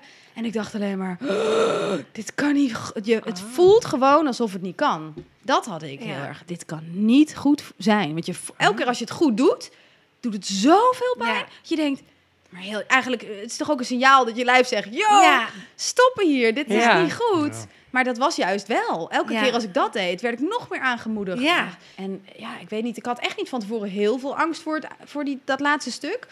Maar dat vond ik wel tegenvallen gewoon. En dat ik echt dacht van, ja, oké, eh, ik kan... Ik ga het nu echt, ik heb het voor mijn gevoel ook, het was in 20 minuutjes gepiept eigenlijk. Voor een Ja, eerste het is kind. mega super, kort. super Ja. snel. Maar ik had het gevoel dat het in wel. 10 minuten gekund had hoor. Ja. ik Oh, heb ja. het echt tegengehouden. Ik heb, Ja, het, heb echt, ik ook, ik heb ja. het echt mentaal. Maar dat was Ja. oké. want en gelukkig was die gynaecoloog ook heel relaxed. Die zei ook, joh, als, als dit nog, weet je, doe het maar rustig aan. Is ook oké. Dan krijgt de baby ook een beetje adem, Ja. eh, zuurstof tussendoor. Ja, Ja, ja. Veel af en toe zuchten tussendoor. Ze zag gewoon aan mij dat ik gewoon niet goed durfde. Ja. Ja, want jij, hoe lang he- heb je uiteindelijk geperst? 20 minuutjes dus, ja. En Zo. hoeveel zijn dat er dan? Ja, Geen ik weet idee. het ook. Ja, ik- ik, eh, vragen. de- geen idee. eh. niet. Uiteindelijk de ene pers zo lang, de andere Ja. zo lang, de andere pers allemaal korte stukjes. Ja. Je hebt daar geen regels voor. Nee, niet, ik bedoel regels, maar daar heb je niet... eh, van. Nou, je zegt wel dat Nee. mensen gemiddeld drie keer per week persen. Alleen daar, daar is nu ook echt wel een omkeer naar dat vrouwen gewoon veel meer op eigen gevoel mogen gaan persen. En Ja. gewoon veel Nou ja. meer, gewoon voel maar gewoon als het Ja. goed gaat. En je hebt sowieso geen besef van tijd als je het aan het doen bent. Dus ik had, ik had echt geen idee. Als, als ze me tegen mij hadden gezegd dat ik een uur had geperst, had ik het ook geloofd. Ik, ik weet alleen nog maar dat ik dacht, oké, eerst, oh, dit wil ik niet, dit wil ik niet, dit wil ik niet. En later, oh, ik wil er vanaf zijn. Ik, moet Ja, ik moet, moet maar. Ik moet gewoon. Ja. Zo, die mezelf ook echt toegesproken, Cornijn. Echt ogen dicht. En je, als, je nu gewoon doet wat ze zeggen, dan is het klaar. Ja. En dat was ook zo. Want er je wist dat. ik wist het gewoon. Want Ja. ik wist ook dat je oogcontact moest houden. Dat iemand, je moet gewoon één, één soort van ankerpunt. En dat ankerpunt werd mijn gynaecoloog. En toen dacht ik, oké, kijk alleen nog maar naar jou. En de rest stond als een soort van voetbalteam. Af en toe heel schattig en lief. Had ik ook geen last van hoor. Maar ik was één focus op die, op die gynaecoloog. Maar het is ook met die weeën, vind ik dan als tip, als ervaringsdeskundige. Nee hoor.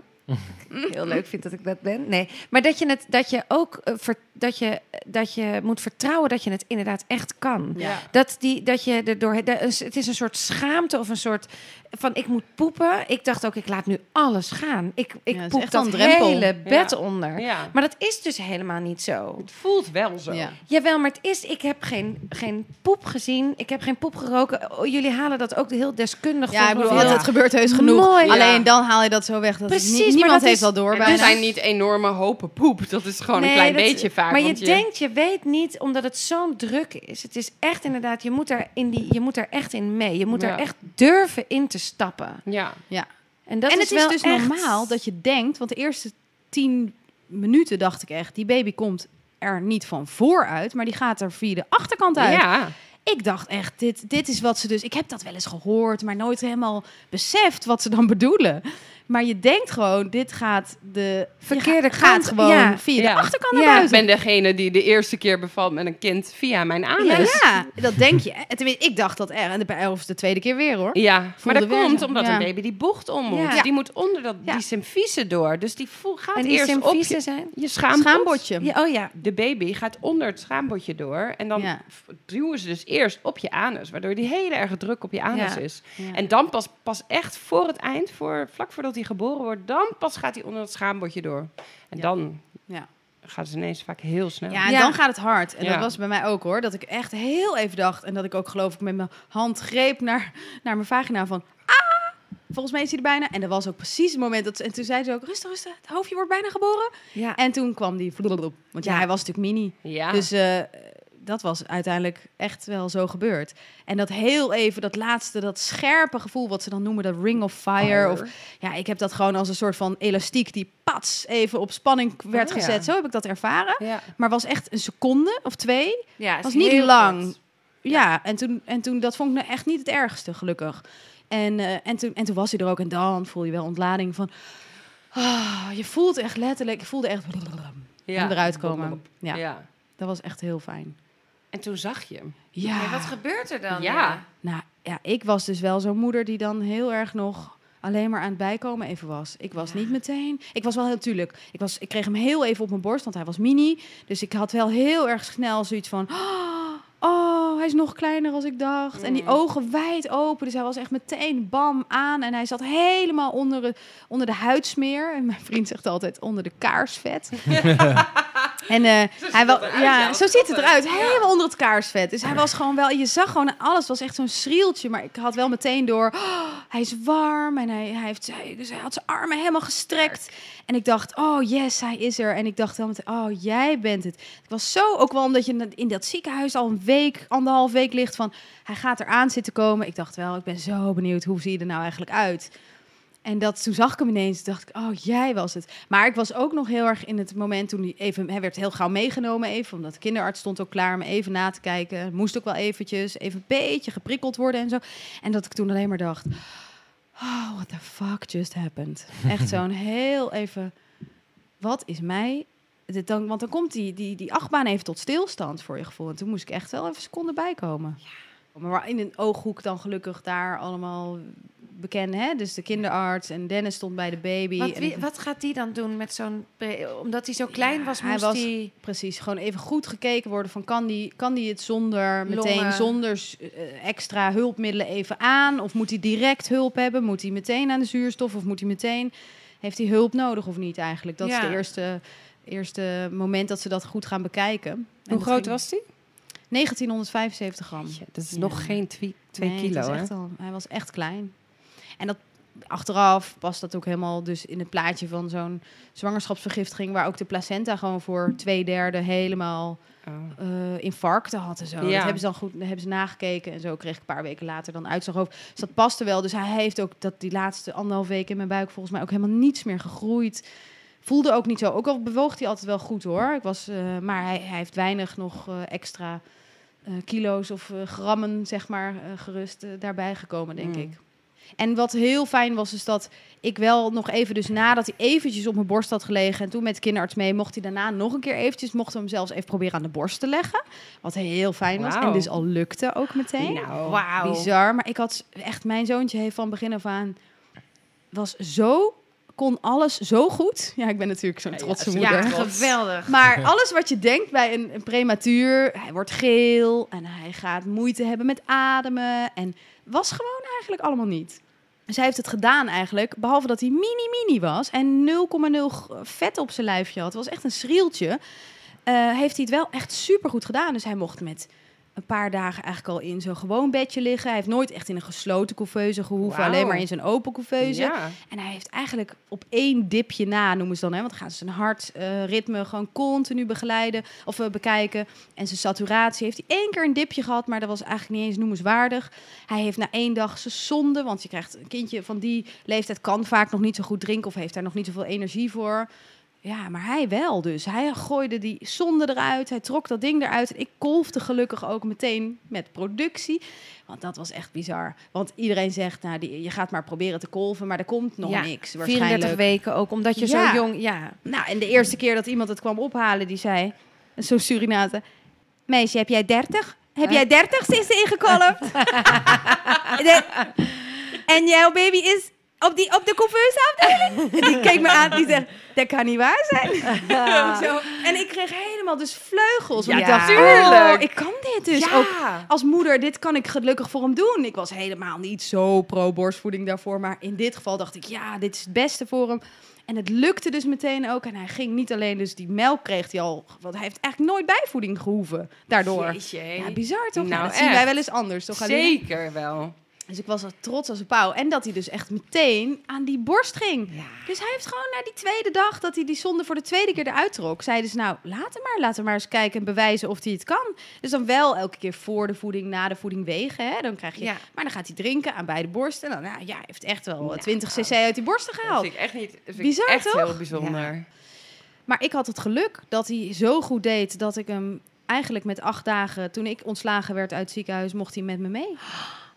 En dat, had ik me, en dat had ik me die week zo niet. Ik dacht wel gaandeweg, ja, dat zal that's too good to be true. Dat zou Ja. wel niet mogen. Want ik, ik had me al echt voorgesteld, doordat ik dacht, ja, ik word zo'n couveuse moeder die dan drie keer per dag naar zijn Ja. baby of hè, in het ziekenhuis op bezoek gaat. En elke keer je melk gaat in die koelkast gaat Ja. zetten. Van nou, dan moet hij dat hebben als ik er niet ben. Want je bent er dan Ja, heel veel ook niet. Ja. En dat is heel verdrietig. En- dat keek ik echt tegenop. Ja.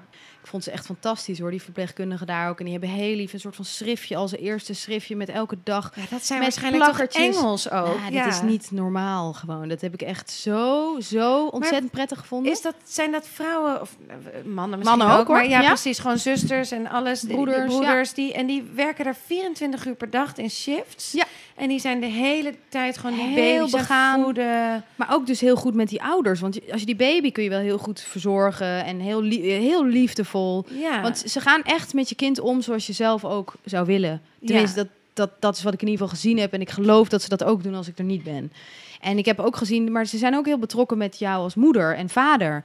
En eh, Dat, echt, is, dat is natuurlijk het is grootste deel van de zorg. Ik bedoel, je moet natuurlijk medisch en inhoudelijk je baby, de baby Ja. verzorgen. Maar Maar je hebt met onzekere mensen te maken die een heel Veel spannende, heftiger. hele spannende tijd van hun leven iets, meemaken.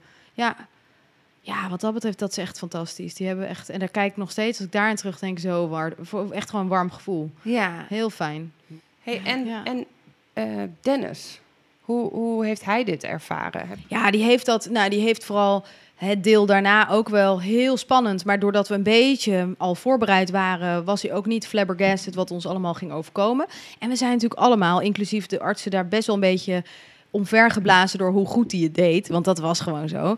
Dat hij niet geel werd. En ik bedoel, alles wat je verwacht bij een premature baby gebeurde hem niet. Hij viel bijna niet af. Hij groeide bijna meteen. Ja, alles dat, dat verwacht je gewoon niet. Dus we zaten er toen zo'n positieve flow. Ja. En wat ik heel tof vond, want in het begin was ik nog, heel- werd ik eerst nog mijn eerste dag met een bed daar naartoe gereden. En de tweede dag mocht ik dan misschien niet even zittend in de rolstoel, maar ik mocht nog steeds niet zoveel doen. En hij was inmiddels al best wel een beetje handig en zo. En toen dacht ik, ah, dit is ook wel hoe dat werkt of zo. Dat je dus als moeder een beetje nog een beetje op apengapen ligt, zeg Ja. maar. En dat die man ineens ook een doel krijgt van, ah, maar dat kan ik wel even doen. En die verzorging en ik kan wel even Maar die hij deed dat Hij dus deed echt. dat ook. En dat was zo'n kindje, hè? Dus ik Ja. vond het super stoer Ja, van hem. Ja. Dat ik dacht, oh, jij durft dat ook? Ja, nou, die, die, die, die, die, die zusters en eh, broeders, die gingen hem dan gewoon aanleren. En hij deed dat gewoon. Dus de eerste badje heeft hij gedaan. En, daar, en ik, ik zag hem shinen en ik liet hem daar ook lekker in shinen. Want ik dacht, dit is eigenlijk heel fijn. Dat hij nu zo... En dan gaat hij het mij maar weer leren of zo, Ja. dacht ik. Dat Ja. komt wel goed. Dus ik Ja. vond het echt top dat hij daar... Hij voelde zich daar ook volgens mij heel prettig bij. En Ja. hoe, hoe is jouw liefde voor Dennis nu? Ja, Was je nog verliefd? Ja, ik vond het wel heel. Het gaf ons wel een soort van. kijk, een extra laag of zo. We hadden al een hele goede relatie. We kenden elkaar al lang. Het was echt niet zo dat we net een jaar pas samen waren. Dus we hadden al, denk ik, zeker acht jaar met elkaar door. Dus we hadden al heel veel gezien en samen gedaan. En het was al goed. Maar dit was wel.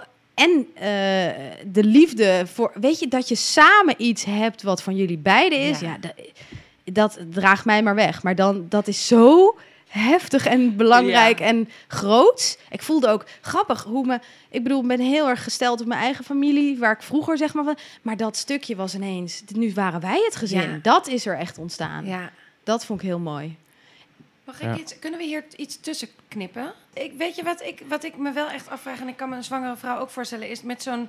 Als jij hebt dit gehad, eh, eh, vergiftiging. Wat doet dat? Is dat zodra de baby eruit is, is de vergiftiging weg? E- Eigenlijk is het zo volgens mij dat als de placenta, dat is eigenlijk de boosdoener.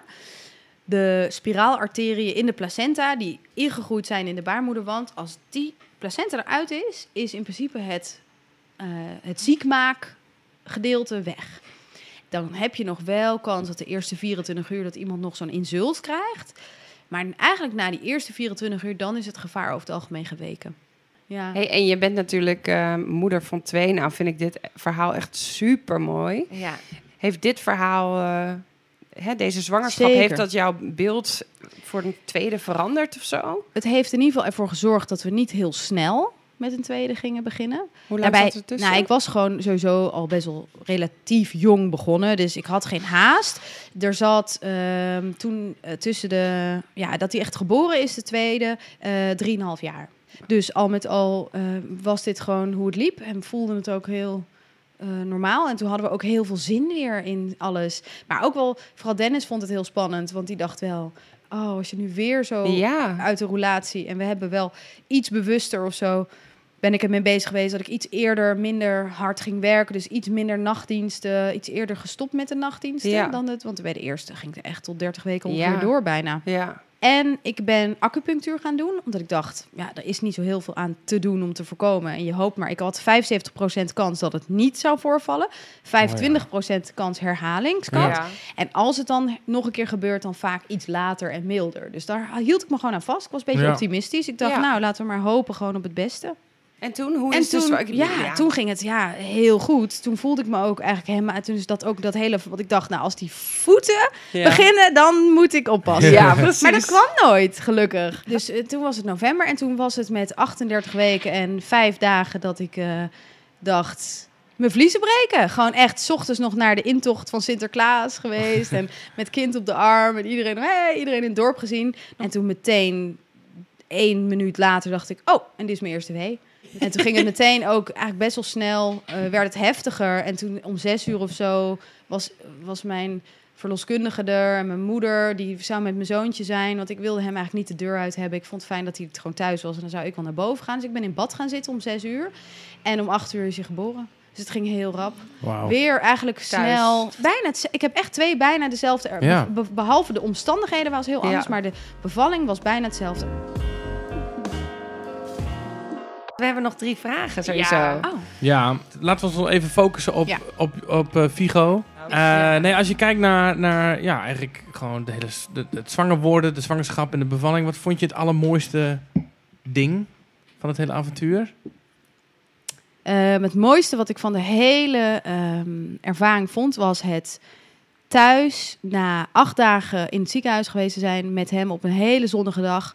Aankomen rijden, ik met hem op de achterbank met mijn Maxi Cosi, trots als een pauw dat hij te- en dat Dennis het helemaal versierd had en dat er Ah. stond welkom thuis en dat ik naar nou ik was echt heel lang weg geweest voor mijn gevoel en dat ik gewoon thuis was en dat ik mijn baby had mogen meenemen wat ik echt tot die wij spreken tot die ochtend nog niet had kunnen geloven dat dat zou gebeuren. En alles wat ik die dagen daarna heb meegemaakt was, maar ik heb hem.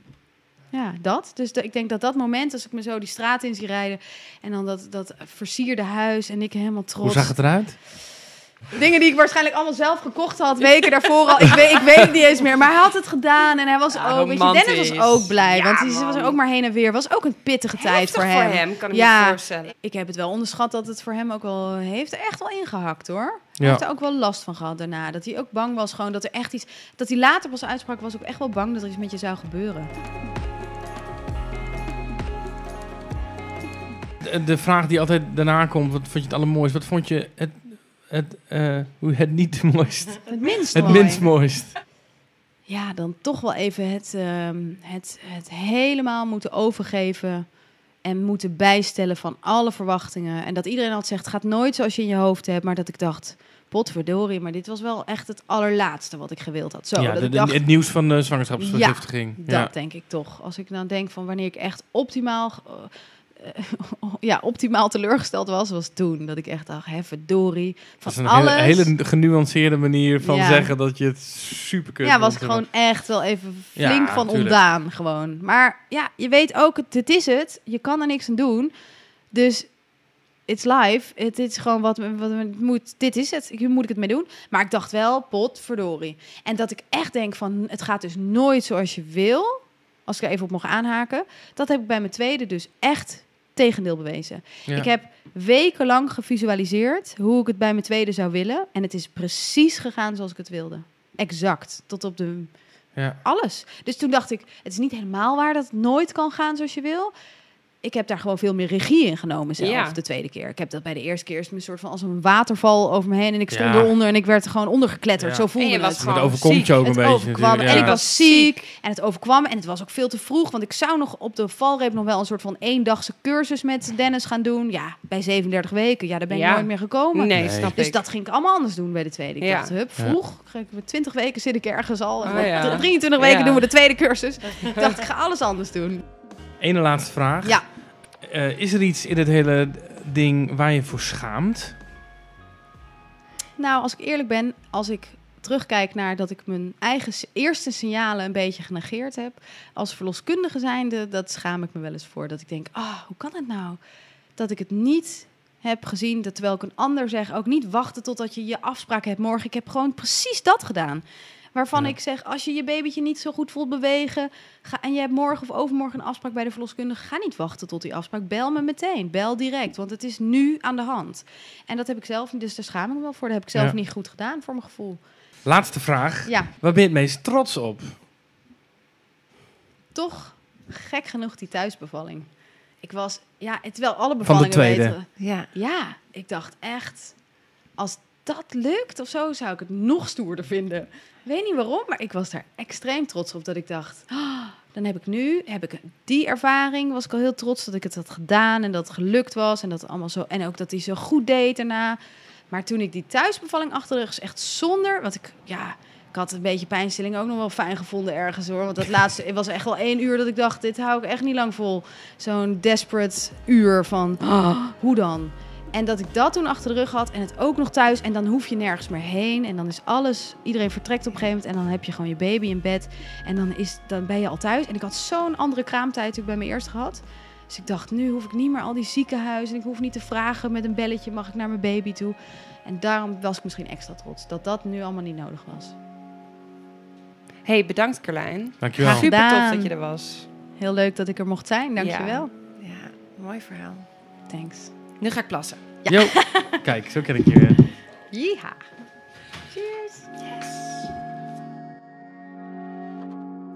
Tof dat je luisterde. Vond je het leuk? En wil je dat nog meer mensen onze podcast kunnen beluisteren? Laat dan vooral sterren of een recensie achter op iTunes. En vergeet je dan ook niet te abonneren. En wil je echt niets missen? Dan zijn we natuurlijk ook te vinden op Instagram en Facebook. Tot de volgende!